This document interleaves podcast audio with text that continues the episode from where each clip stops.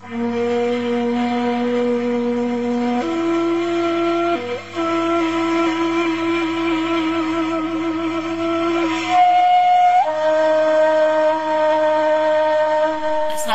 warahmatullahi wabarakatuh. Hai semua Ketemu lagi dengan saya Novi Yulia. Selamat datang di podcast saya. Podcast ini berisi segala gagasan saya tentang budaya, sastra, dan karya sastra. Podcast ini juga ditampilkan di channel YouTube saya, Curito Matua. Jadi silakan datang dan nikmati video-video lainnya. Jangan lupa like, comment, and subscribe.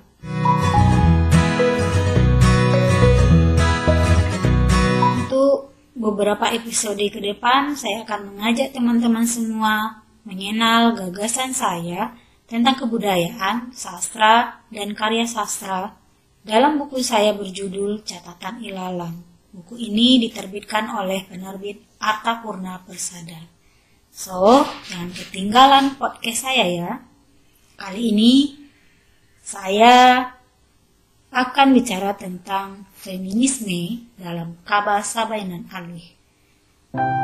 Manusia memiliki akal dan pikiran sehingga mampu melahirkan kebudayaan yang menjadi sarana mempermudah kehidupannya. Namun, tidak semua kebudayaan itu dapat diterima di tengah masyarakat luas. Misalnya saja, kebudayaan yang terkait dengan cara menilai dan memperlakukan suatu khususnya perempuan. Perempuan sering menjadi kelompok yang merasa dirugikan oleh penilaian perlakuan itu. Salah satunya dalam hal pendidikan. Selain itu, dalam sistem pemerintahan, perempuan tidak diberi kesempatan yang luas untuk ikut serta. Begitu juga dalam keluarga. Banyak perempuan yang dimadu atau dinikahi oleh laki-laki yang sudah lanjut usia, kisah Siti Nurbaya yang dikhianat yang dinikahi Datuk Maringgi. Contoh kasus ini merupakan fakta sosial yang ada pada zamannya Ketidakpuasan yang dirasakan oleh perempuan itu lambat laun melahirkan pemberontakan-pemberontakan yang kemudian disebut dengan gerakan emansipasi perempuan. Di Indonesia, gerakan ini telah tampak pada abad ke-19 dan 20-an.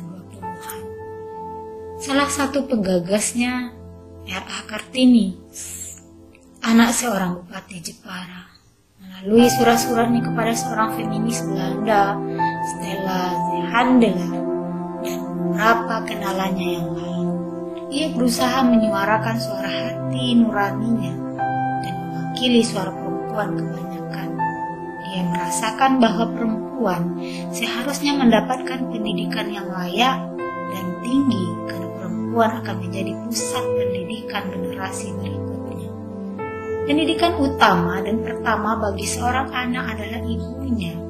Jadi jika diharapkan Indonesia ini menjadi negara yang cerdas dan maju, maka harus mencerdaskan perempuan-perempuannya terlebih dahulu dan memberikan pendidikan itu tidak hanya kepada perempuan yang berasal dari keluarga kaya atau keturunan pejabat saja, seperti yang berlangsung pada saat itu.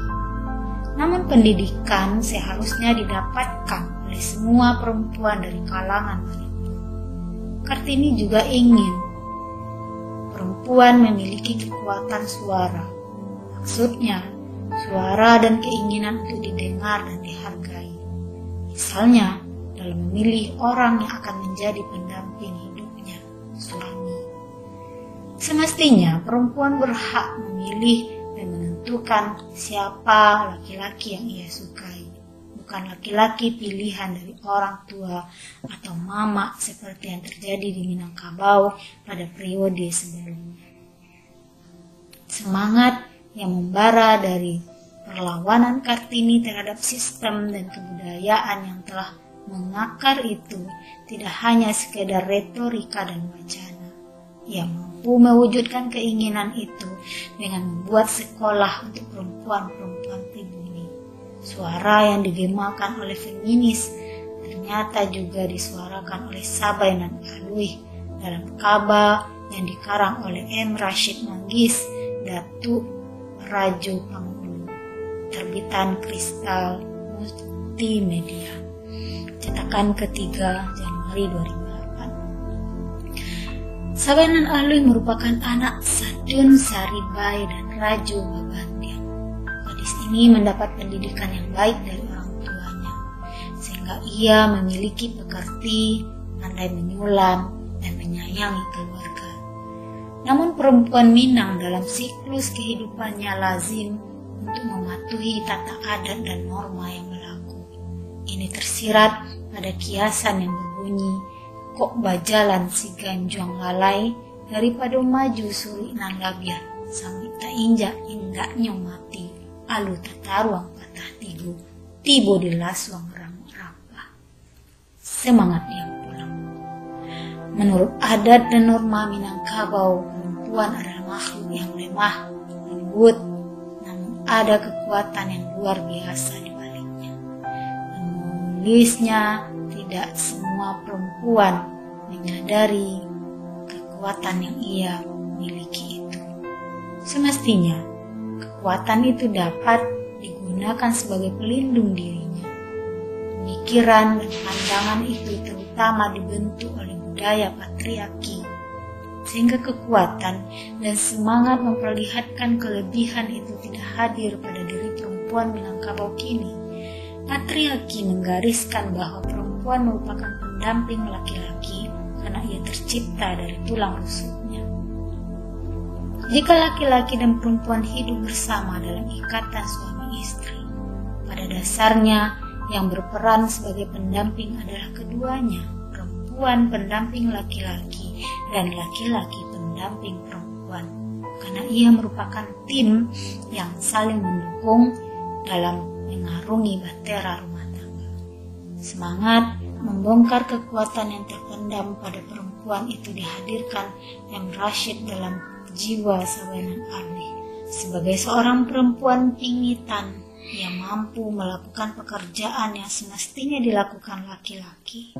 Kalau Kartini menyuarakan semangatnya melalui tulisan-tulisan dan membangun sebuah sekolah, namun ia tidak bisa menolak menikah dengan laki-laki yang telah memiliki banyak selir dan anak. Berbeda halnya dengan Sabenan Arwi.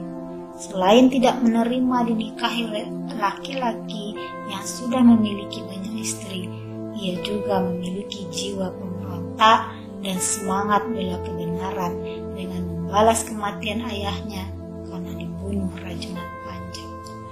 Kisah dua perempuan ini tentu belum mewakili dari semua persoalan yang pernah dihadapi perempuan-perempuan Minangkabau. Kini semangat mereka dapat dijadikan acuan dalam proses menemukan kekuatan di balik kelembutan perempuan Minang masa depan. Kekuatan yang positif. Banyak hal yang dilakukan dalam upaya membuktikan bahwa perempuan bukan objek, tapi mampu berperan sebagai subjek. Untuk itu, pendidikan adalah unsur utama yang dilakukan. Dengan ilmu, kita bisa melakukan sesuatu. Dengan otak yang berisi, kita dapat berpikir dan memilih sesuatu yang baik buat kita.